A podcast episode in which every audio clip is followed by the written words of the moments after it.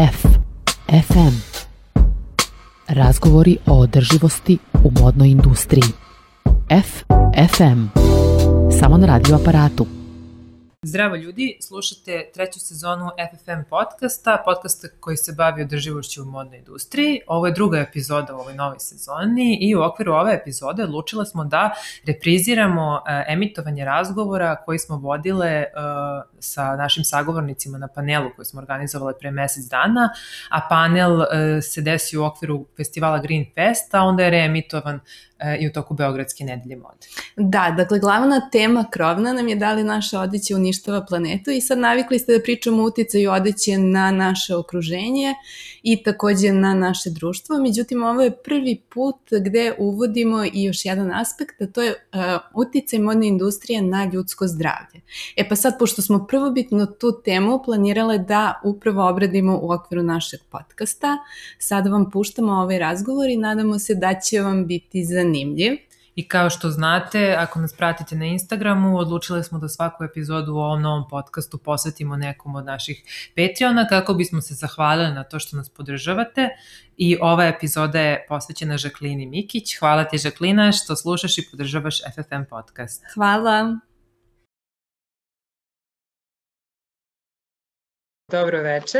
Upravo ste se e, pridružili na online panel Da li naša odeća uništava planetu, gde ćemo u narednih sat vremena e, dati odgovor na ovo pitanje iz različitih perspektiva i nadamo se dati neke predloge na koji način možemo da utičemo da se taj toksični odnos modne i tekstilne industrije i sveta u kom živimo i našeg zdravlja promeni na bolje. E, ovaj panel se realizuje u okviru projekta Tekstilni otpad, otpad nije u modi, za kog stoje Centar e, za održive inicijative, ju izvinjavam se, e, Centar za unapređenje životne sredine i Udruženje za održive inicijative FFM kroz program Snažno zeleno Beogradske otvorene škole koje finansira Evropska unija. I panel je deo serije webinara na temu Zelena agenda za Srbiju e, koji je podržano delegacije EU. Ja sam Dunja Jovanović, pored mene je moja koleginica Marija Radaković i mi smo zapravo iz ovog projekta zajedno sa Ivanom Jovčić koja je tu e, naša gošća večeras, e, ali vi se verovatno znate ne kao udruženje za održive inicijative, nego kao voditeljke podcasta FFM, gde se odnosom dakle mode i prirode e, i društva bavimo već dve i po godine unazad, tako da ako vam ova tema bude bila zanimljiva i nakon panela, odnosno ako je tek sad otkrijete, možete da poslušate naš podcast koji se emituje svaki druge srede na radio aparatu ili da zapratite na društvenim mrežama. Naš user je FFM, donja crta podcast. Da, dakle, sam naziv panela danas je malo dramatičan, ali zašto je važno da pričamo o ovoj temi? Dakle, modnu industriju mnogi doživljavaju kao zabavu, međutim reč je o industriji koja je u samom vrhu svetskih zagađivača. Dakle, odgovorna je za e, ispuštanje više od pola miliona tona sintetičkih vlakana mikrovlakana svake godine u okean, takođe generiše oko 20% otpadnih voda i takođe drugi je najveći potrošač vode kada govorimo o industrijama u svetu. Dakle, u čemu je najveći problem? Model po kome cela današnja modna industrija funkcioniše jeste sistem brze mode i sa jedne strane imamo problem hiperprodukcije, a sa druge strane to je hiperkonzumerizam. Dakle, kada govorimo o hiperprodukciji, prema podacima Ellen MacArthur fondacije, godišnja količina proizvedene odeće, dakle komada odeće, 2000. godine iznosila je 50 milijardi komada. Danas, 20 godina kasnije, dakle, taj broj je dupliran i po istom izvoru. Dakle. Uh, zašto je to tako? Dakle, prvi i osnovni razlog jeste taj ekonomski princip, osnovni što se više proizvodi, cena proizvodnje po komadu je niža. Sa druge strane, takođe, razvijenje novih materijala, prvenstveno sintetičkih materijala, omogućila je isto da ta proizvodnja bude što brža i takođe jeftinija. Dakle, često ponavljamo da danas 60% od ukupne količine garderobe koja se proizvede jeste izrađena od polijestera. Međutim, pitanje je koliko smo svesni da je u stvari taj polijester vid plastike i derivat nafte. Da, i eto, kao što Marija pomenula, jedan deo problema je hiperprodukcija, a drugi je hiperkonzumerizam, odnosno ta odeća mora da i da nam se proda. Tako da neki podaci govore da mi danas kupujemo 400% više nego pre samo 30 godina, što je poprilično zavrinjavajuće jer sam sigurna da malo ko razmišlja o svojim kupovnim navikama, naročito kad je odeća u pitanju. Ove, a isto tako se i ta ogromna količina odeće i baci, dakle završava na deponijama. Ako pričamo o Srbiji, u Srbiji se, u Srbiji se čini mi se godišnje uveze oko 80.000 tona odeće, to će nam Ivana detaljnije reći kasnije, ali um, ona, kada je u pitanju upravljanje tekstilnim otpadom u našoj zemlji, te regulative nisu dorečene, ne, nije dovoljno transparentno, tako da mi zapravo ni ne znamo koja količina tekstila završi sa depon, na deponijama i šta se sa njom dešava, tako da eto, i to jedan, jedna od tema koju ćemo pokriti večeras u razgovoru. Dakle, da sumiramo, brzo se proizvodi, brzo se kupuje, još brže se odbacuje I dakle, iako modu mnogi posmatraju kao zabavu, činjenica je da svi mi odeću nosimo i postavlja se pitanje dakle, da li smo svesni koju smo cenu platili za svu odeću koju imamo u našem garderoberu. I sad, da, možda bi u novcu i mogli da sračunamo, međutim često nam promakne da ta cena koju plaćamo uključuje i naš prirodni ekosistem, zatim tu je društvena cena koju plaća određeni deo društva koji odiću proizvodi i takođe posebno nam je drago što večeras uvodimo još jedan aspekt i to je novi aspekt o kome pričamo u celoj ovoj priči o održivoj modi, a cena jeste i ljudsko zdravlje i zdravlje svih nas koji očigledno sada i naučno dokazano plaćamo takođe. I, dakle, ovo su teme, a naši sagovornici večeras su, dakle, naš najcenjeniji naučnik i genetičar danas u svetu, osnivač specijalne bolnice za lečenje steriliteta Spebo Medical u Leskovcu i profesor humane genetike na Fakultetu medicinskih nauka u Kragujevcu, profesor dr. Miodrag Stojković. Dobro večer. Dakle, sa nama je Ivana Jovčić, izvršna direktorka Centra za unapređenje životne sredine. Dakle, Ivana je zaslužna za ovaj panel između ostalog večeras. I sa nama je profesor Vladimir Đurđević, klimatolog i profesor na grupi za meteorologiju Fizičkog fakulteta Univerziteta u Beogradu.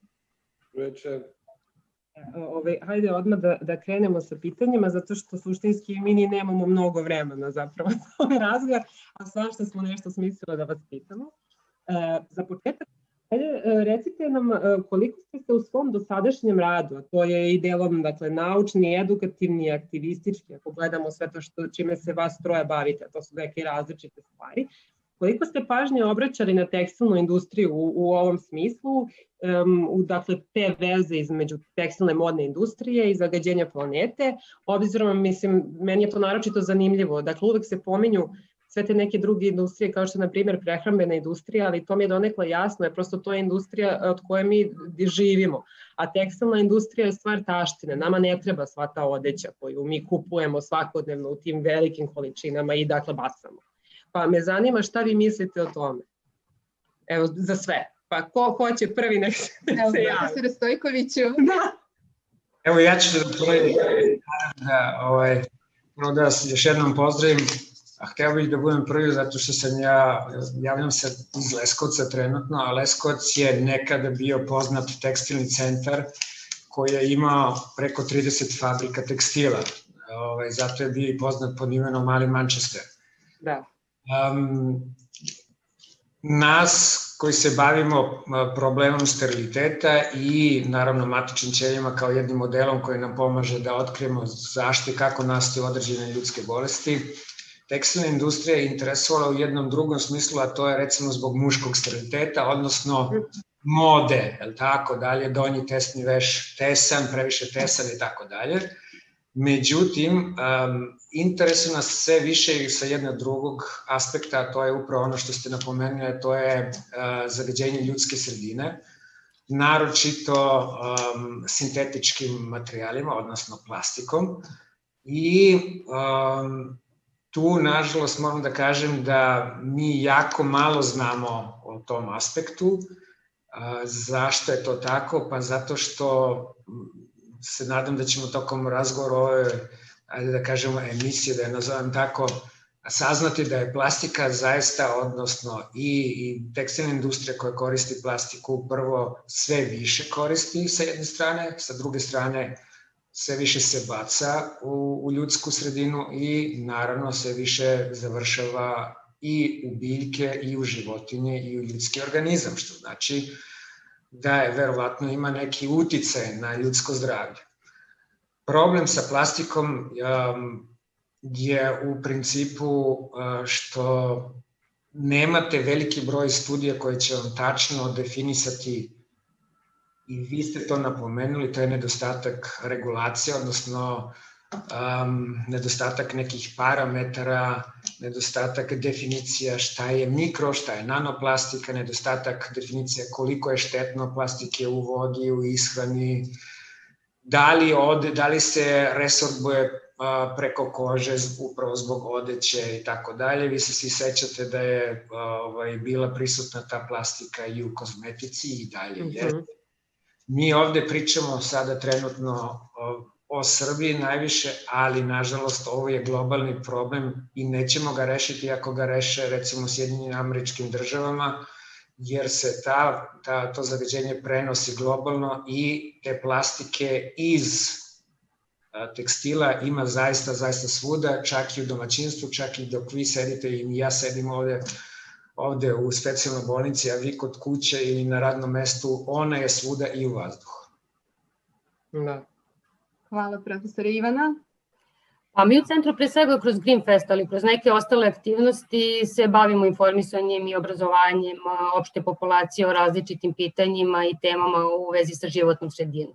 I posebno nam jesu zanimljive teme koje zavise od nas kao pojedinca, dakle koje bi mogle da dovedu do značajne promene, značajnog napredga ukoliko bismo mi odlučili da promenimo svoje ponašanje i svoje navike. Tako da smo se do sada bavili jednokratnom plastikom i bacanjem hrane, ali i modnom industrijom. Doduše, što se tiče same mode, do sada smo imali različite sporadične aktivnosti, ali smo doneli odluku da od 2020. godine stavimo malo veći fokus na ovu temu. I ono što smo prvo uradili je dakle, istraživanje o životnom ciklusu odevnih predmeta u Republici Srbiji i tu smo se zaista iznenadili obzirom da smo za 15 dana došli do više, odnosno za skoro 1900 ispitanika.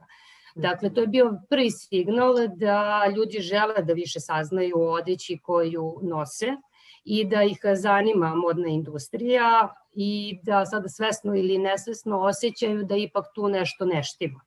Rezultati su to kasnije i potvrdili zapravo oko 55% ispitanika je reklo da je upoznato sa terminom brze mode, međutim taj procenat znatno je opao kada su u pitanju radni uslovi u kojima se proizvodi naša odeća kao i korišćenje resursa, odnosno energije i vode za proizvodnju te iste odeće. Dakle, određena svest kod ljudi postoji, ali mislim da je to još uvek nedovoljno i da i kod nas, ali na globalnom nivou treba dosta toga još uraditi.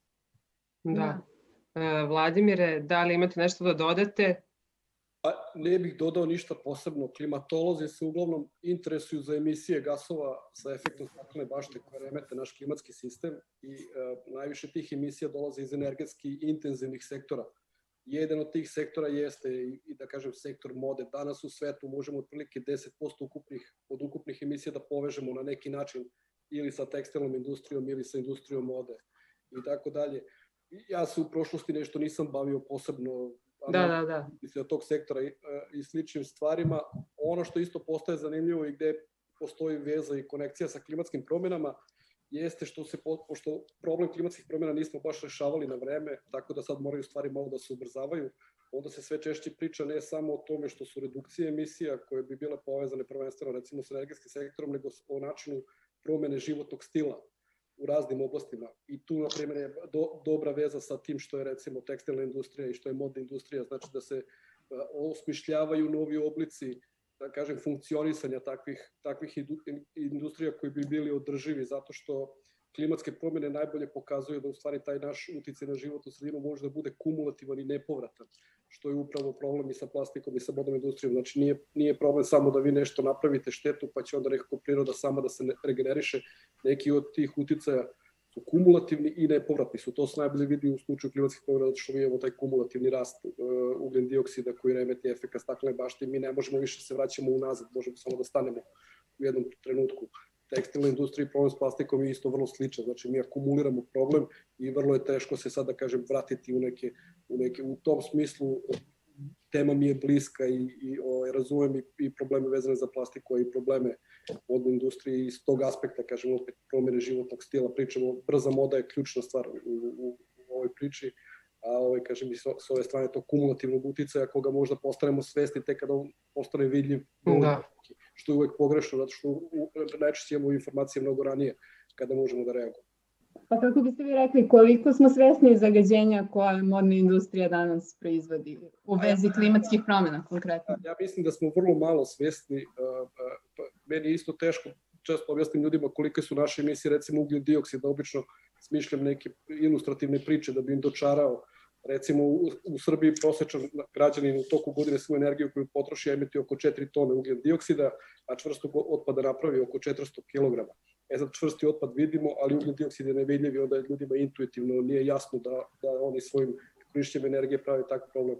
Modna industrija intuitivno isto nije jasna, pošto najčešće vidimo lepe izloge, a u stvari nikad ne vidimo ni fabrike, ni, ni industrijski proces proizvodnje koji isto i energetski intenzivan i po pitanju korišćenja vode intenzivan.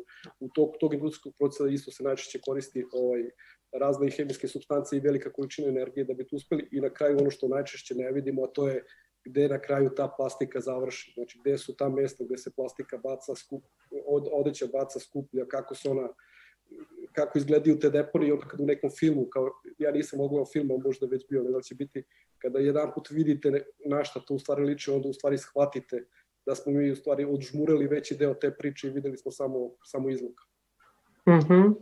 A hajde, uh, mislim, hvala vam, ovaj, hvala vam na, na ovim poprilično iscrpnim odgovorima. Um, Ivana, tebe bih htela da pitam, najde sada da, da prosto predočimo ljudima na koji način sve to tekstilna industrija zagađuje. Dakle, sad smo mi ovde nekim procentima govorili, ali hajde da vidimo kako to tačno, kako to izgleda. Pa dakle, kao što smo već ispomenuli, sistem proizvodnje i potrošnje tekstila ima ogroman uticaj i na životnu sredinu i na klimatske promene i na naše zdravlje odeća, obuća i tekstil zauzimaju četvrto mesto u korišćenju resursa i vode, drugo mesto u korišćenju zemljišta i peto mesto po emisiji gasova sa efektom staklene bašte. I to sve tako nije bilo pre nekih 30 godina. Dakle, modne kuće su imale dve kolekcije godišnje, odeća je bila znatno skuplja, znatno kvalitetnija i mnogo duže smo je nosili. Umeđu vremenu je došlo do hiperprodukcije i hiperkonzumerizma. Tako da mi danas imamo situaciju da pojedini modni brendovi izbacuju i više od 20 kolekcija godišnje. A, prema podacima Evropske agencije za životnu sredinu iz 2014. godine u zemljama Evropske unije, mada ja verujem da je slična situacija i u ostalim zemljama sveta, došlo je do povećanja cene garderobe za samo 3% dok je inflacija prosečno iznosila oko 60%. E sada kada mi to preračunamo i stavimo u sadašnju perspektivu, mi možemo da zaključimo zapravo da je odeća pojeftinila za nevarovatnih 36% u odnosu na period pre 96. godine. I zašto je to sada problematično? Dakle, ta niska cena je praktično došla, dovela i do hiperkonzumerizma i odeća je jeftina, sve je lošijeg kvaliteta i sve veći uticaj ima na životnu sredinu, ali i na naše zdravlje. Danas se ponašamo prema odeći kao da su to predmeti za jednokratnu upotrebu koju posle nekoliko nošenja možemo da bacimo i da odbacimo i koji postaju otpad ponašamo se kao da živimo na planeti izobilja gde imamo neograničene resurse, a to sve zapravo uopšte nije tačno. Dakle, primjera radi za proizvodnju pamuka je potrebna ogromna količina i vode i energije i zemljišta, a i koristi se i velika količina pesticida. Vun je takođe veliki problem, obzirom da je poznato da je stočna industrija jedan od glavnih zagađivača kada su u pitanju gasovi sa efektom staklene bašte. Polijester koji danas postaje sve zastupljeniji se pravi dakle od nafte i jeste tačna konstatacija da je za proizvodnju polijestera potrebna mnogo manja količina vode nego za proizvodnju, na primjer, pamuka, ali sa polijesterom nastaje praktično glavni problem u onom trenutku kada mi tu odeću počnemo da koristimo, obzirom da se prilikom svakog pranja iz te odeće oslobađa mikroplastik koja ima užasno veliki uticaj i na životnu sredinu i na zdravlje, ali o tome ćemo malo kasnije više pričati. Tako je, da, ja sam rekla jedan podatak koji je sada već opšte poznat, dakle da je 60% ukupne količine garderobe koja se proizvede izrađeno od polijestera, međutim ja moram sada da podelim svoj lični utisak, pošto sam nedavno kročila i bila sam u jednom uh, fast fashion uh, brandu, dakle u njihovoj radnji, i baš sa namerom da čitam deklaracije i sirovinski sastav, I dakle, moj utisak je tada bio da više od 90% odeće u tom objektu jeste bilo izrađeno od polijestera. Dakle, taj procenat ide 40, 60, 90, 100%, ali opet kažem, moj lični utisak više od 90, mogu čak da kažem i 95% proizvoda. Tako je, je bilo izrađeno od polijestera, dakle plastike. I sad mene zanima, dakle, to je pitanje za profesora Stojkovića i profesora uh, Đurđevića, kada je došlo do te ekspanzije i razvoja plastičnih materijala? Kako jednom počeli plastiku? Ma, Tako masovno.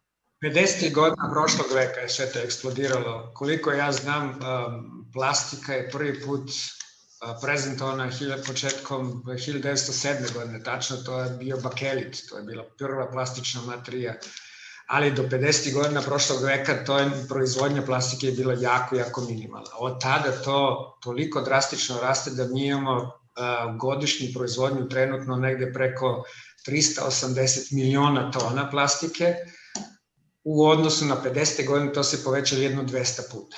Tendencija konstantno raste. Zašto? Zato što vi ste mladi ljudi, ali možda se sećate one pesme grupe Idoli ja nosim plastično odelo i plastika je moja hrana. Znači, to je bilo negde, ako se ne vram, tamo negde krajem 70. početkom 80. godina. I tada je bio taj problem prisutan. On je sve prisutniji. Zašto? Zato što je proizvodnja plastike, kao što smo čuli, jako jeftina a zamenjuje u principu skoro sve, počeši od automobilske industrije pa i do prehrambene industrije gde imate ambalažu za jednokratnu upotrebu. Um, mi koji se bavimo laboratorijskim poslom, sve je u principu sve je od plastike. Um, naravno, tekstilna industrija i tako dalje. Za to je uglavnom raz, razlog zašto, jer je u stvari proizvodnja uslovila i široku potrošnju i u nekim slučajevima mi ne možemo da zamislimo praktični život bez plastike. I sad mi imamo i plastiku kao jednu, ajde da kažemo, nus pojavu koja se ne reciklira, nego se baca i zagađuje e, ljudsku okolinu, ali imamo i plastiku koja se namerno proizvodi, to je ona industrijska plastika i koja može da bude i to je profesor Đulić lepo pomenuo da bude nevidljiva i ljudi nisu svesni u stvari da su u svakodnevnom kontaktu sa tom mikro i nanoplastikom. Jedan od tog primjera je naravno nakon pranja veša 700.000 čestica izbaci svaka veš mašina u vazduh, odnosno u vodu, 700.000 po pranju i naravno od automobilskih guma svako kočenje, odnosno svaka vožnja završava u vazduhu, to završava u zemlji, to završava u biljkama, u kišnici i onda imate jedan problem da nije samo plastika ono što mi vidimo, to su te kese koje svuda i naročito u našoj zemlji taj otpad koji je jako prisutan. Um, Nažalost, nažalost, to je toliko veliki problem da mi još nismo svesni koliko je to veliki. Zašto? Zato što se toliko proizvodi, toliko puno završava u, u reke i u okeane, a toliko se sporo razgrađuje, a, ovaj, a konstantno se razgrađuje svude oko nas. A koliko je prilike potrebno toj, na primjer, plastičnoj odeći da se razgradi? Ili znate od prilike? Znam od prilike, da.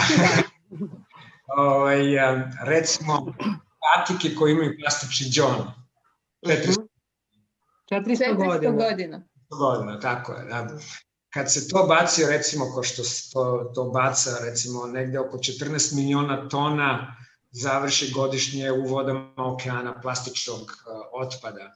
Kad se to baci pod uticajem vode, ultravioletnih uh, zrakova i, i, i sunca i tako dalje, naravno da je razgradnja brža i ta ta plastika koja se vidi, znači makroplastika, se razbija na sitne čestice i onda govorimo o mikroplastici, to je negde između 100 nanometra do 1 mikrometra u diametru i govorimo o nanoplastici, a to je ispod 100 nanometra reda veličine i to su vam, to vam dođe negde kao recimo koronavirus. Da, da, da. Ljudi se naravno plaše virusa, ovaj, povezano jedno sa drugim, jer što je veća zagađenost, veća je mogućnost infekcije i postoje studija koja je dokazala da zagađenost ljudske okoline povećava smrtnost kod korone virusa za 15%. -hmm. Da, to su zanimljivi podaci. Evo, profesore Đurđeviću, mi sad dok smo se spremali za ovaj razgovor, naišli smo na podatak da u stvari polijester nastaje hemijskom reakcijom uglja, sirove nafte, vode i vazduha. Dakle, mi često nismo svesni toga. I dakle, kako tako jedan materijal, koji su razlozi za njegov uspeh? Mislim, ja smo rekli neke stvari, dakle, jeste jeftini, jeste proizvodnja, ali postoje li još neki faktori koji čine pa pošto mi klimatolozi pomno pratimo industriju fosilnih goriva, to su nam onako naj, naj, najzanimljiviji, a, najzanimljivija ekipa za pomno praćenje čime se sve rade, šta sve rade. Ovaj, industrija fosilnih goriva, posebno iz razloga zato što su nam puštali balone decenijama unazad pokušavajući da zamagle priču o klimatskim promenama uh -huh. i da mhm. minimizuju i to postojale su i kampanje koje su bile vrlo dobro organizovane. Tako da ovaj, uh, to je opet konekcija između teme koje sada pričamo i klimatskih promjena jeste da je izvor manje više isti, izvor su fosilna goriva i plastika, početak proizvodnje plastike u stvari su u pitanju fosilna goriva i ono što isto mi znamo, pošto pratimo industriju fosilnih goriva, jeste da su oni bili svesni klimatskih promjena još 80. i 90. godina, da su pokušavali da nekako odlože rešavanje tog problema u smislu njihove uh, njihove te primarne aktivnosti i primarnih zadataka, ali da su među vremenu razmišljali šta su im e, izlazne strategije, osim tog odlaganja rešavanja problema i, i napuštanja fosilnih goriva. Jedna od njihovih izlaz, izlaznih strategija jeste bilo tržište plastike.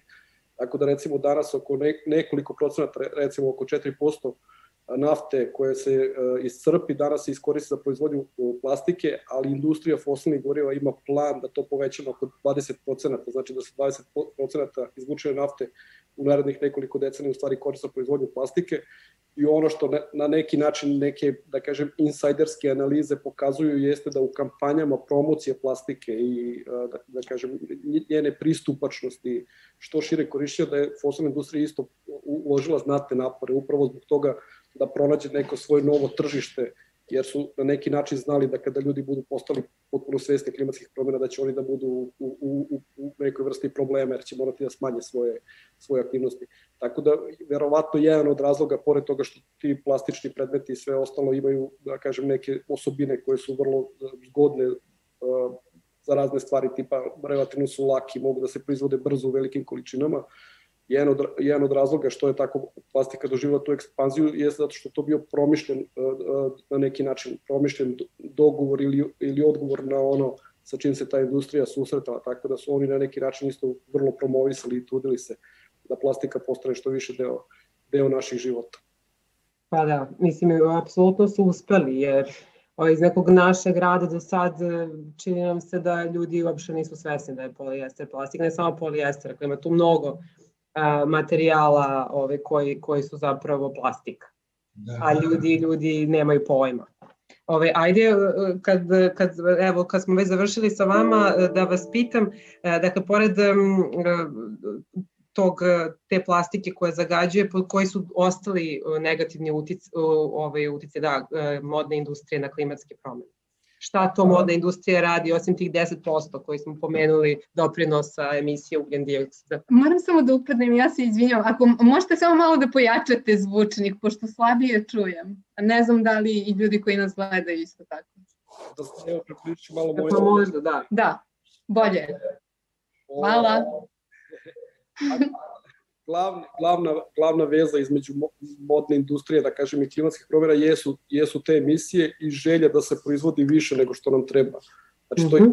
jedna od industrija koja promoviše tu priču da treba u stvari proizvoditi što više, iako realno nama e, ta količina garderobe i ta, ta brzina cirkulacije garderobe nije potrebna, jednostavno da bi oni zadovoljili neke, neke svoje, e, svoje biznis modele i u tom procesu, kao što sam rekao, znači svaki element maltene i u proizvodnji materijala i kasnije u njihovom korišćenju i na odlaganju učestvuje na neki način na neki način u tim emisijama. Jedan deo plastike pa i garderobe se recimo spaljuje tako ne, ne, ne odlaže se na nekim e, deponijama, nego se spaljuje tako da je to dodatna, dodatna količina gasova koje se emituje u odnosu na sve ono što je prethodno emitovano da bi se to proizvelo, tako da je to neka vrsta dvostrukog penala, znači prvo iskoristite ogromnu količinu energije da napravite određene materijale, da napravite proizvod, da ga transportujete do radnje, da on stoji neko vreme u toj radnji, da, da ga posle opet prikupite, da kažem, na gomilu, da ga onda odnesete na, na neku lokaciju gde postoji spalionica, za otpad i na tom,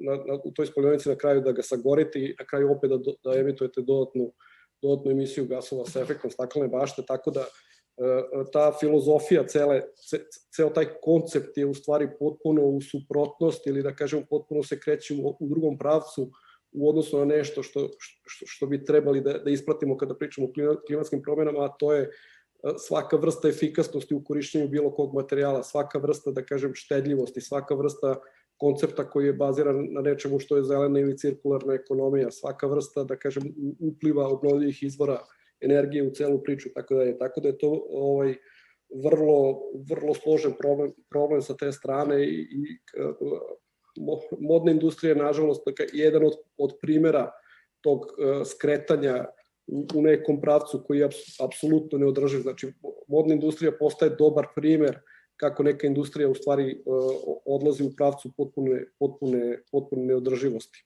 Tako da u tom smislu eto, to, to bi otprilike bila priča, kažem, klimatske promene su vrlo složene i sad se nekako te dve priče su se isprepletale i ovaj, ali e, mogu veliki pomaci da se naprave da se naprave i u jednom i u jednom i u drugom i u drugom slučaju. Tako je, osvrnut ćemo se na moguće rešenja kasnije, a sada evo da se vratimo, dakle spomenuli smo na početku, mi se bavimo dve i po godine ovom temom, ali prvi put pričamo i o uticaju dakle, modne industrije na ljudsko zdravlje. Profesor Stojkoviću, vi ste u prethodne dve godine radili na studiji koja se bavi uticajem mikroplastike na ljudski organizam. Tako da bismo htjeli malo da popričamo na tu temu, ali možda za početak ne bi bilo loše da kažemo šta je u stvari mikroplastika da vi ste rekli, ali hajde Jeste. ono da posvetimo jedan dobar deo vremena baš tome, da ljudima bude jasno. Mikroplastika, um, da kažemo laičkim jezikom, to je ona mikroskopski vidljiva plastika, znači koja je nastala razgradnjom ove plastike koje vidimo u obliku plastične kese, plastičnih flaša i tako dalje, znači da li ili odeće koje sastoji od sintetičkih vlakana, i mikroplastika je po definiciji ona koja je manja od 1 mm, a veća od 100 nanometra. Ona druga, ko što sam rekao, nanoplastika je manja od 100 nanometara i ta mikroplastika je ono u stvari što predstavlja najveću glavovolju i mislim da će biti sve veći i veći problem i sve veća pažnja će se posvećivati uh, zato što sa jedne strane ne postoji regulacija, odnosno ne postoje zakoni, da li je to Food and Drug Administration u Sjedinjenim američkim državama ili Evropskoj uniji koja jasno definiše koliko je toksično, odnosno koliko je štetno po ljudsko zdravlje te mikroplastike. A nje, nažalost, ima svuda. Znači, ima je i u vodi za piće, bilo da pričamo sada o vodi sa česme ili u flaširanoj vodi, Ima je u čaju, ima je u, u medu, ima je u soli, ima je u šećeru, ima je u morskim plodovima, ima je u biljkama, znači svuda. Tako ona li, i ulazi u ljudski organizam, znači sa jedne strane putem tog lanca ishrane, sa druge strane putem vazduha, pošto ima i u vazduhu, ima je u kišnici. I ono što je opasno za tu mikroplastiku je da ona može da bude direktno štetna po ljudsko zdravlje, znači samim tim što ulazi u ljudski organizam, ali mu služi vrlo često i kao nosioc nekih toksičnih materija, bilo da su to organske ili neorganske, teški metali i tako dalje, pa samim tim nastaje i brža, odnosno šte, veća i, i ovaj, toksičnija oštećenja u ljudskom organizmu i određene ćelije brže stradaju nego recimo ako imate zagađenje nekim, nekim drugim uh, hemikalijama. Plastika je posebno ovaj, jedna priča zato što smo to napomenuli da se ona um, proizvodi jako mnogo i koliko ja znam posle čelika i betona to je treća prenozonu substanca, odnosno materija koja se proizvodi na ovom svetu. Znači nešto što je zaista, zaista prisutno i što je dokazano da se nalazi jedna studija iz Austrije dokazala da u ljudskom izmetu postoje su uspeli da dokažu devet različitih tipova plastike, što znači da mi aktivno, redno konzumiramo i neko je lepo to izračunao plastično, ako mogu da kažem, da mi nedeljno unosimo putem ishrane i putem vode, odnosno pića, 4 grama plastike, to bi vam bilo jedna kreditna kartica nedeljno. I ona, naravno, ta mikroplastika, naravno, nalazi svoj put u ljudske ćelije i sve više se ovaj, dovode ta, ta mikroplastika sa određenim ljudskim bolestima za koje mi nemamo odgovor na pitanje zašto je njihova učestalost znatno povećana poslednjih godina, tu na, pričam o, o sterilitetu i govorim o neurodegenerativnim bolestima kao što su demencija, Alzheimerova bolest, Parkinson i autizam kod dece naročito koji je porastao u poslednjih nekoliko godina za 150%. Mm -hmm. Da, mislim, meni je, da, ovo je prvi put da čujem. Sećam se da smo u jednoj od prethodnih tih naših podcasta pričali o tome i da zapravo ta studija nije postojala. I, ove, i, i informacije koje su nama tada bile rečene jeste da to kao postoje različiti tipovi plastike i nisu svi štetni po ljudski organizam. Evo sad imamo dakle studiju koja, koja govori da da, apsolutno jesu.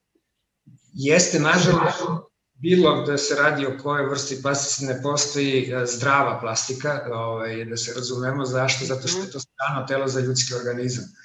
Ljudski organizam nema receptore za plastiku, ljudski organizam nema enzime da razgradi plastiku. Prema tome, ono što smo mi videli na matičnim ćelijima je da te matične ćelije uđu u jedan proces, to se zove apoptoza, to nije ništa drugo nego programirana ćelijska smrt, Zašto? Zato što ne mogu da razgrade plastiku. U našem slučaju se radilo o polistirenu, odnosno kako neki ljudi zovu stirofor, je tako? To je mhm.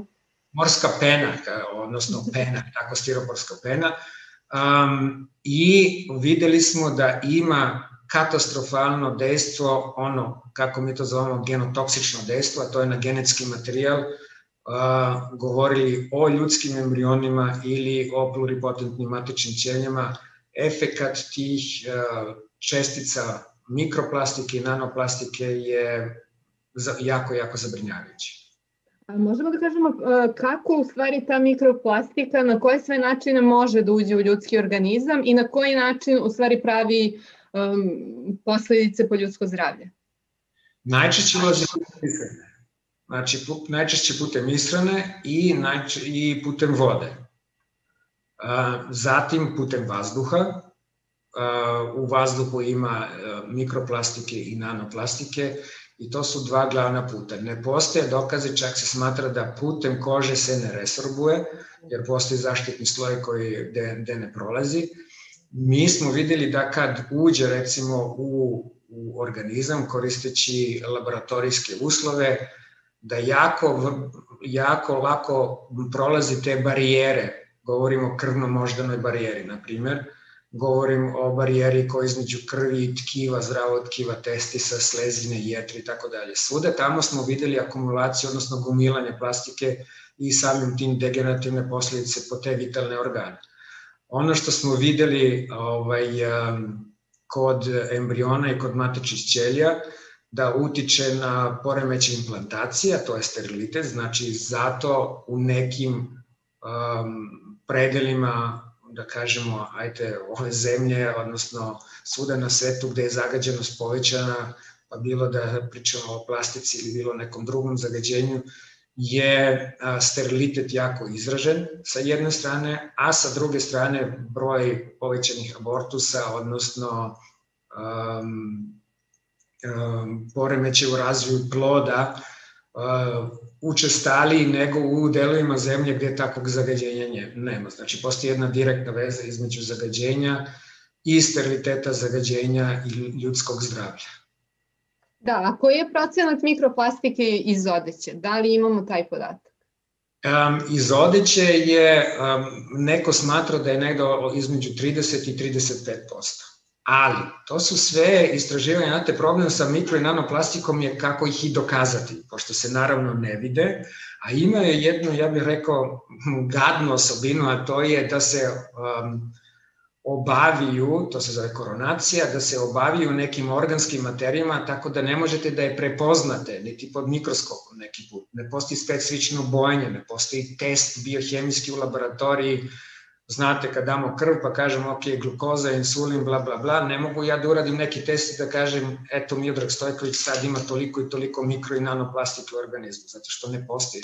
Sve to, um, ja bih nazvao jedan pionirski rad i to je ono što brine. Mi o plastici govorimo toliko dugo, a toliko malo se uradilo uh, na tom polju i zaista, zaista ne znamo uh, ovaj, kako ona Naravno, znamo kako direktnim putem, ali ne znamo koji su sve putevi, kako ona dolazi ovaj, a, a, u ljudski organizam i koje su direktne posledice a, na ljudsko zdravlje.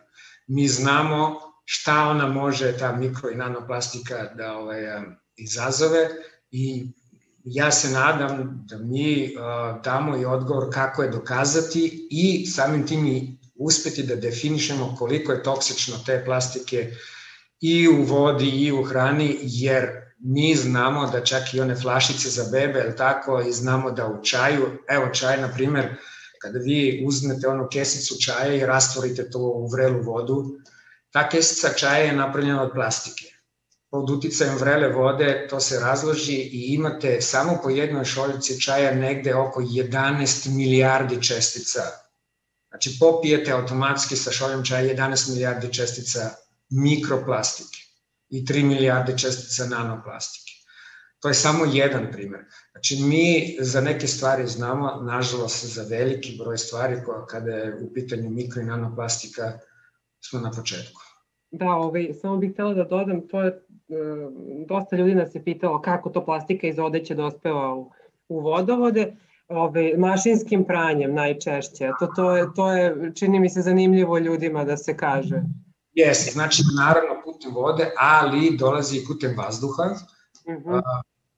Znate, ono sušenje veša i tako dalje, to je direktno ide u, u vazduh i ja napomenuh, ja mislim negde na početku ono 700.000 čestica po jednom pranju iz mašine za pranje veša. Mm -hmm, mm -hmm. koje naravno svima su poznati ovi novi moderni štampači, 3D štampači koje koriste plastiku za štampanje. Da. Ti su i ti radnici koji su recimo u brodogradnji, auto industriji i tako dalje, već riziko grupa izloženi direktno uticaju mikro i nanoplastike koja ulazi u njihov organizam putem vazduha. Uh -huh, uh -huh. Da, ali kada govorimo o plastici i generalno plastičnim materijalima, dakle i, i polijesterskim materijalima, jedno od rešenja koje se često spominje jeste reciklaža. A, međutim, ono što nas zanima a, jeste vaš komentar, jer u poslednje vreme sve češće možemo da čujemo komentare da u stvari plastika, ne, ne plastika, reciklaža ne uspeva da ostvari obim koji je u početku obećava. Da, svi nekako kažemo to će se reciklirati i onda nekako se očekuje da ako se ubaci odeća ili bilo šta drugo u neki kontejner, da to automatski negde ide na reciklažu i da od te odeće nastaje nova odeća, ne znam šta, zapravo potpuno proces drugačije. Da, znate kako, što se tiče plastike, um, mi znamo da 9% samo plastike se reciklira, ali profesor Đuđić sigurno zna malo više o tome, bar što se tiče njegovog domena plastike, reciklaže i plastičnih materija. Ono što mi znamo da smo tu kao, ne mi, nego kompletno ljudsko društvo zakazalo na, ovaj, po tom planu, jer velika većina proizvedene plastike završava u ljudskoj sredini i samim tim i šteti. Uh mhm. -huh. e, profesore Đurđeviću, jel biste mogli onda vi da se nadovežete? Mislim da, da je profesor Stojković napravio sad dobar uvod, pošto je rekao jednu dobru stvar, a to je da je plastika dugo s nama, a da vrlo malo znamo o njoj.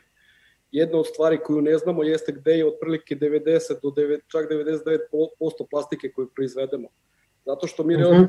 znamo izvore, znači znamo koliko industrija proizvede čeka, čega u toku godine, znamo da to ode negde u potrošću, ali na primjer kad gledamo u naše okeane, pošto je plastika u okeanima bila velika tema poslednjih godina isto, shvatimo da tamo uspemo da pronađemo samo nekoliko procenata od sve plastike koja u stvari na kraju završi u okeanima. Tako da jedno od pitanja koja se postavlja jeste gde je taj ogroman broj od 90%, pa neke procene do 99% plastike, da mi u stvari uopšte ne znamo gde. Ako nešto ne znamo gde, onda vrlo je jednostavno zaključiti da ne možemo da ga recikliramo. Tako da, da je teško pričati o reciklač, reciklaži nečega što ne možete da pronađete. Tako da trenutno je jedna od tema u istraživanju plastike koja inače zaista postaje onako top tema, da kažem, u nauci. O, jedna od tema je da pronađemo te, tu plastiku, tu plastiku koja ne, ne, ne nedostaje i kojem, ovaj, ko, kojom bi možda zatvorili neka pitanja ili da kažem bolje razumeli neke, neke stvari. Ovaj jeste reciklaža nije uspela da uradi ono ono što je što je što su bili neki planovi, što su bile najave, što su bile kampanje i opet tu dolazimo do toga da velike industrije koje imaju jake interese mogu kroz razne marketinške kampanje i razne da, ovaj da kažem promocije raznih uh, načina ponašanja, da kažem, ili uticaja na potrošače, da favorizuju neka rešenja koja možda racionalno gledano nisu toliko ispravna. Tako da je mnogo energije uloženo u taj u tu kampanju recikliranja i zahteva za recikliranjem. U nekim zemljama je to zaista povećano od 70. godina recimo, ali opet ono što vidimo da zadnjih desetak, 20 godina u zemljama kao što je Amerika ili Evropska unija, taj obim reciklaže nekako udario u plafon i dalje od toga više ne može, ne može da se postigne. Tako da ta reciklaža očigledno da nije ultimativno, ultimativno rešenje. S druge strane, opet ono o čemu ja često pričam, jeste da industrije e, e, jedna od njihovih taktika je da, da, ovaj, da odgovornost prebaci na, na krajnje korisnika, na potrošača. Znači, evo, ako si ti dobar i ako ti budeš reciklirao i ako budeš vodio računa o svom otpadu, onda će na svetu da nam bude svima super, a evo ja ću da, da, da se potrudim da što više plastičnih boca o kojima ćeš ti posle da vodiš računa, neću ja, ja o njima da vodim računa, tako da je očigledno da, da je ta trebalo je opet da prođe desetak, 15 godina da vidimo da, da ta strategija o recikliranju je u stvari na neki način da se opet odvela na stramputicu. Znači problem, svaki problem sa zagađenjem treba da se da se rešava tamo gde nastaje zagađenje, jer jedan put kad zagađenje bude ispušteno u životnu sredinu, vrlo često ga je teško pronaći i to je ova priča o mikroplastici. Znači, jedan put vi kad ispustite nešto u životnu sredinu, vrlo je teško posle to, da kažem, sakupiti, uraditi nešto s njim i tako dalje. Da ne pričamo o, vrlo tehnološkim stvarima koji se tiču reciklaže, kao ta recimo da kad se plastika prvi put uđe u proces reciklaže, ta plastika koja nastane uopšte nije isto kvaliteta kao na prvobitnu. Tako da za razliku recimo od stakla ili metalnih limenki plastika ne može do u nedogled da se reciklira, znači ima broj ciklusa, tako da i tu postoji neka, neka vrsta limita. I opet, da, se, da, da, da ponovim, znači ovaj problem očigledno treba da se rešava na izvoru, tamo gde je uh -huh. materijal proizvodi, način kako se proizvodi, koliko se upotrebljava, a ne da pokušavamo posle da na neki način svojim nekim akcijama pokušavamo da ublažimo sve te negativne efekte.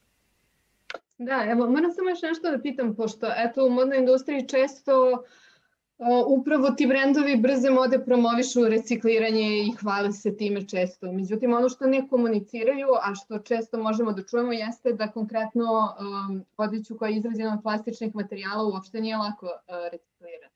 Nije. Neki, neki od tih metoda, recimo da biste izbrisali boju iz plastike, to je energetski vrlo zahtevan proces, recimo. Tako da vi kad, kad ovaj, kad hoćete da plastiku da je, da kažem, poništite boj, da je ponovo obojite nekom drugom bojom zahteva visoke temperature, vrlo složene i fizičke i hemijske procese i tako dalje, tako da vi opet trošite ogromnu energiju da probate da sanirate štetu umesto da ste odmah na početku doneli neku odluku koja vas nikad nije odvela odvela u taj, da kažem, ćorsokak iz koga vi sad pokušavate da se, da se izvučete, kažem, opet korišćenjem velikih količina energije, korišćenjem raznih substanci hemijskih koji opet verovatno imaju negativne utice na životnu sredinu i tako dalje, vrlo složenih ovaj, tehnoloških procesa. Tako da ovaj, to, to je sve priča koja je vrlo složena i nije uopšte nema, nema tu romantičnu, bajkovitu komponentu o kojoj se najčešće priča kada se priča o reciklaži, kako je to neka stvar koja će ovaj, da, opet da, da ljudi da kažem, koji se bave recikliranjem, da, da stanemo malo na njihovu stranu. Ja sam uvek iza te vrste individualnih uh, akcije u smislu da čovjek donese odluku da hoće da reciklira svoj otpad, da hoće manje da koristi plastične predmete. Sve te odluke su vrlo dobre, posebno u smislu što uz pomoć njih možemo u našoj okolini da damo do znanja da smo svesni problema i da uključimo možda i širu zajednicu da razmišlja o tome davajući primer. Ali ako hoćemo zaista ovako velike probleme kao što su recimo klimatske promjene ili plastika da rešimo, ti prvenstveno treba da se fokusiramo na, na, ovaj, na izvore samih problema, a ne na, na pokušaj da, da, da ublažimo te, te negativne efekte u trenutku kad oni već počnu da nastaju da se akumuliraju.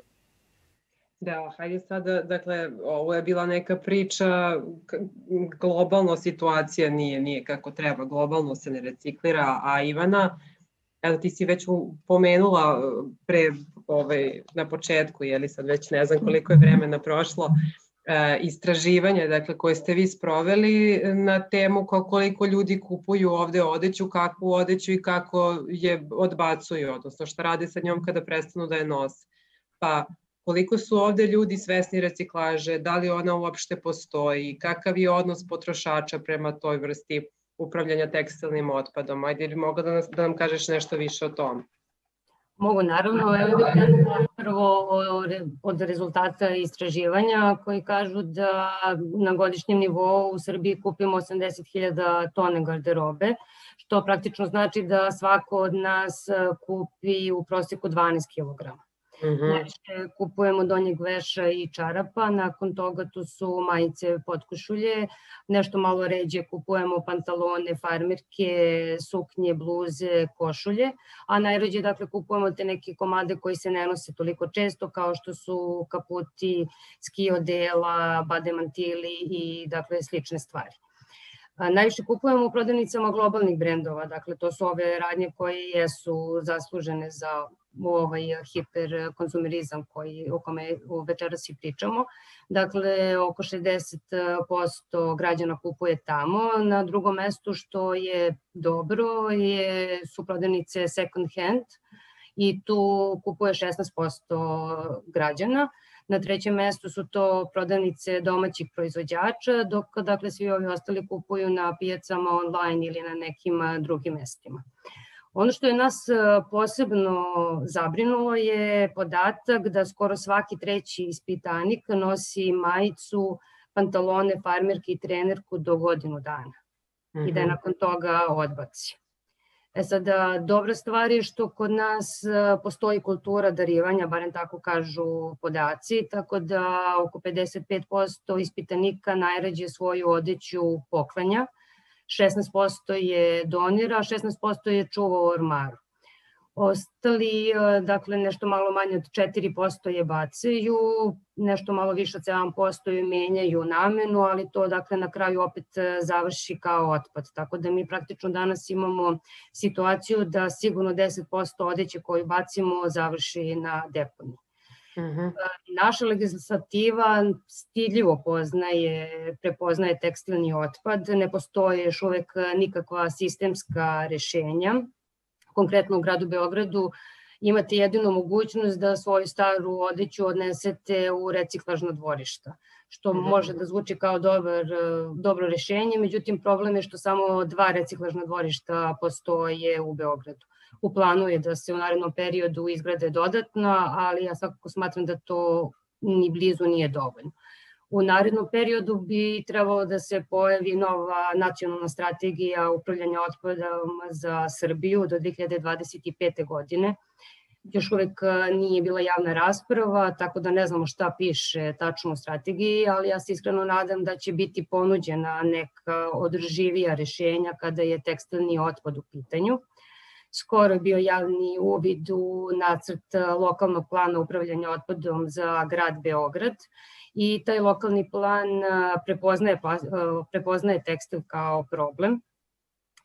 ali takođe kaže da je reciklaža previše složena i zahtevna, što jeste tačno, i da ne postoji razvijeno tržište sekundarnih e, sirovina za ovu vrstu materijala, što jeste tačno, tako da se tim planom, barem nacrtom, predviđa da se taj tekstilni otpad meša sa ostalim komunalnim otpadom koji će biti spaljen. Mhm. Da, evo moram da pitam, mislim, da li mi znamo u našoj zemlji šta se dešava, na primjer, sa garderobom koja se ne proda? Dakle, uđe 80.000 tona garderobe i da li mi negde imamo podatak šta bude sa garderobom koja se ne proda? Takođe, šta se dešava sa tekstilnim otpadom koje komunalne službe sakupe? Ne, ne postoje takve informacije, bare meni nisu poznate. Da, hvala. A da li sad možemo da pričamo, evo, pošto nam nekako ovaj, e, vreme i ističe, imamo jako malo, imamo dosta pitanja, ovaj, da nam kažete svi iz svoje perspektive ovaj, e, na koji način, e, dakle, u idealnom slučaju bi ova situacija mogla da se promeni i to kao što je profesor Đurđević rekao, brzo, pošto nam vreme isto tako brzo ističe. Evo pa, kogod želi prvi može, može da počne. Znate kako, ovaj, verovatno raditi malo više na, na širenju ovakvih informacija, odnosno transparentnost ovakvih informacija i podizanje svesti ljudi, odnosno potrošača. Naravno, mogu da utičem na mikroplastiku, da smanjim uticaj mikroplastike iz odeće, e, samim tim što vidim u stvari šta kupujem kao potrošač, tako, od kog se materijala pravi ta odeća, Um, da li možemo to potpunosti da sprečimo, izbjegnemo, nisam optimista jer um, ne možemo bez te plastike u principu ne možemo da živimo, ima je svuda.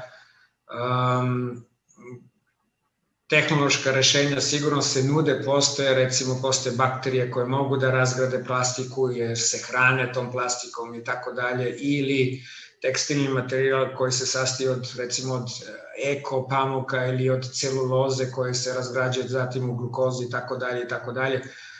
To bi bila sad tehnološka ovaj, neka rešenja, ali mislim da uh, nećemo uspeti jer toliko toga se na ovoj zemlji nagomilale te plastike da ovaj, uh, problem ostaje ne samo na našoj generaciji nego i na generacijama koje dolaze. Da, da li mi na, na neki način možemo da umanjimo te štetan uticaj mikroplastike koje je neminovno u svakom Kako? organizmu? Da li možemo šta, nisam razumela? Da umanjimo taj štetan uticaj, dakle mikroplastike na ljudski organizam. Donekle da, znači kad govorimo o tekstilu, naravno da neću da kupim polijester, odnosno da nosim polijester, nego ću probati da nešto što nije štetno po ljudsko zdravlje nosim, ali opet da se vratimo na ishranu i da se vratimo na vodu za piće i da se vratimo na, na lanac ishrane, to je nemoguće jer to je ona plastika, ponovo se vraćamo, koju ne vidimo, ne čujemo, ne mirišemo, a unosimo je svakodnevno u, u naš organizam. Pa dobro, ali to je u stvari i nije loša vest. Dakle, mi ovde pričamo o modnoj industriji, a to, to je poruka da kada je u pitanju garderoba, mi takako mo, možemo i imamo izbor. Dakle, da bar na taj način probamo da smanjimo količinu koja, koja dospe u naš organizam. Da, neka, neki ove, preporuka na koje smo mi naišli su da se odeća koja već u sebi sadrži plastiku pere na manjoj centrifugi ili na ruke po, po ove, dakle to je bolja opcija nego, nego da se što više tumba i da se ne suši mašinski, jer to sve dodatno istresa pras, mikroplastiku, već da se suši na vazduhu.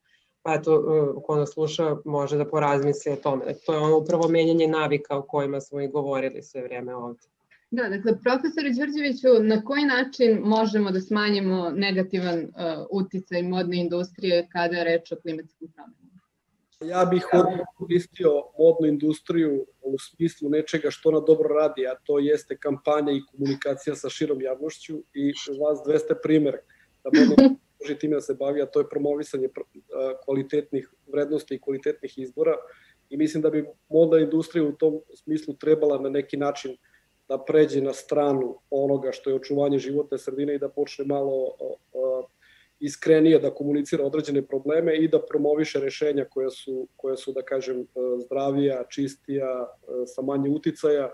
Ovo, ja sam siguran da će ljudi hteti da se oblače lepo i, i u takvoj modnoj industriji, samo je pitanje da, da, da, da, da, da na neki način malo promenimo te naše navike i kažem opet, i, i kada su klimatske promene u pitanju ono što, ono što su ljudi koji se bave komunikacijom klimatskih promena i, i da kažem e, na neki način ne promocijom, ali da e, širenjem ideje o rešenju tog problema, ono stvar koju su dobro, dobro prepoznali kod modne industrije jeste to da je to industrija koja ume da komunicira sa širokom, širokim auditorijom, koja ume da prenosi poruke, koja ume da, da, da kažem, na neki način da usmerava ljude ovaj, u odnosu na te poruke i da, da, i da razume šta je ljudima potrebno i kako, kako im se i prilagoditi i tako dalje.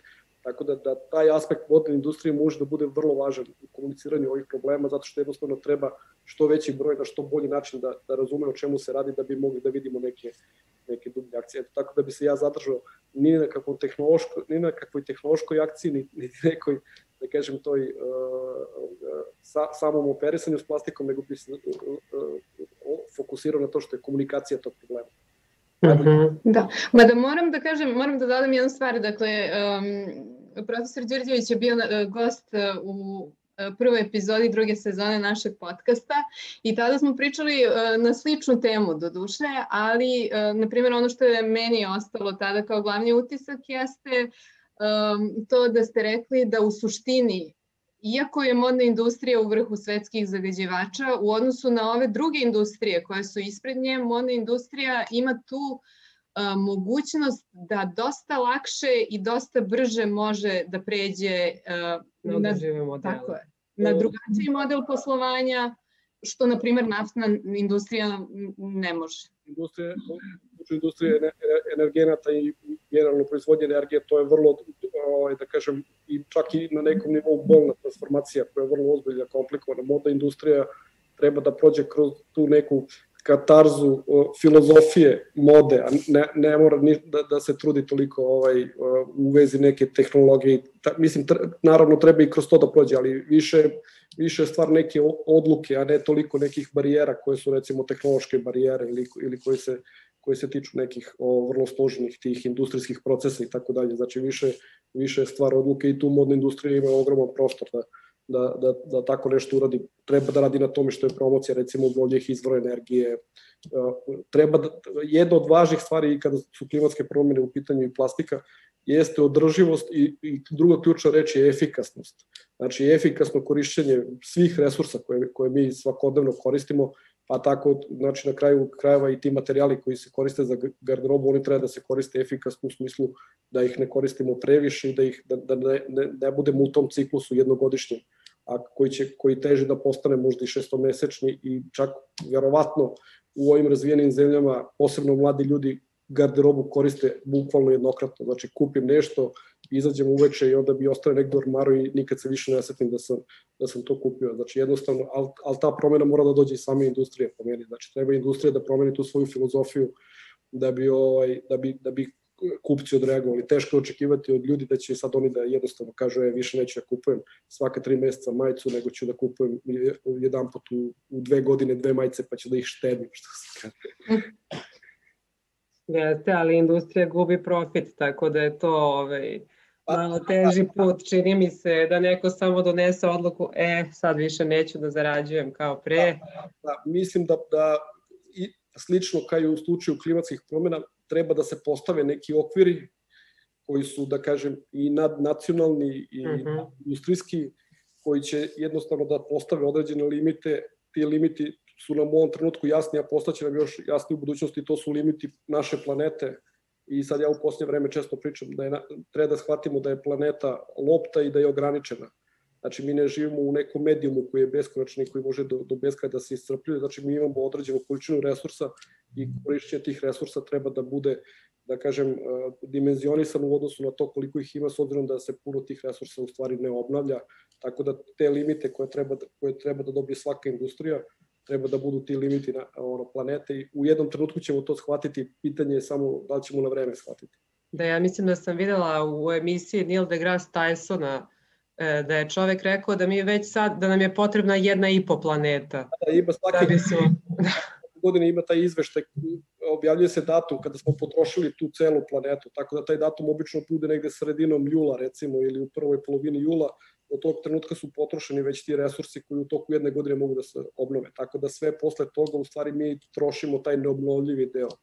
I što je najgore, opet taj neobnovljivi deo mi u stvari akumuliramo iz godine u godinu. Tako da, da je teško mm -hmm. preokrenuti, ali treba razmišljati da kažem, na neki način ta celu paradigmu odnosa naše prema i planeti i prema resursima treba na neki način da se da se promene. Ja sam siguran, pošto znam da u klimatskim promenama mi se bavimo tim scenarima, znači raznim opcijama u budućnosti i znamo da postoje scenariji i koji su održivi u smislu e, stanja klimatskog sistema i u smislu ekonomije i u smislu dostupnosti energije, tako e, to je ta priča koja, koja nas, kako da kažem, održava nam nivo komfora u kome živimo i nivo profita i nivo kvaliteta naših života, a pri tome znači ostajemo u tim nekim limitima koji su nam zadati, a postoji scenarij u kojem mi prelazimo preko tih limita. Tako da sam siguran da postoji da postoje svetovi u kome smo mi da kažem, ekološki svesni i ekološki svesni tih, kao ljudi svesni smo tih limita i postoje svetovi u kojima, kojima mi ignorišemo te limite. Eto, čuli ste razgovor, nadamo se da vam je bilo interesantno. Ukoliko želite da odgledate i video sa, sa ovog panela... Da, možete ga pronaći na našem sajtu ffmpodcast.com i na YouTube kanalu EU Infocentra u Srbiji. Eto, čujemo se za dve nedelje kada ćemo pričati o drugim temama u koje se odnose na održivu modu. Hvala vam što slušate FFM i hvala Žaklini Mikić što nas podržava na Patreonu. Ćao! Ćao! F. FM. Razgovori o održivosti u modnoj industriji. F. FM. Samo na radio aparatu.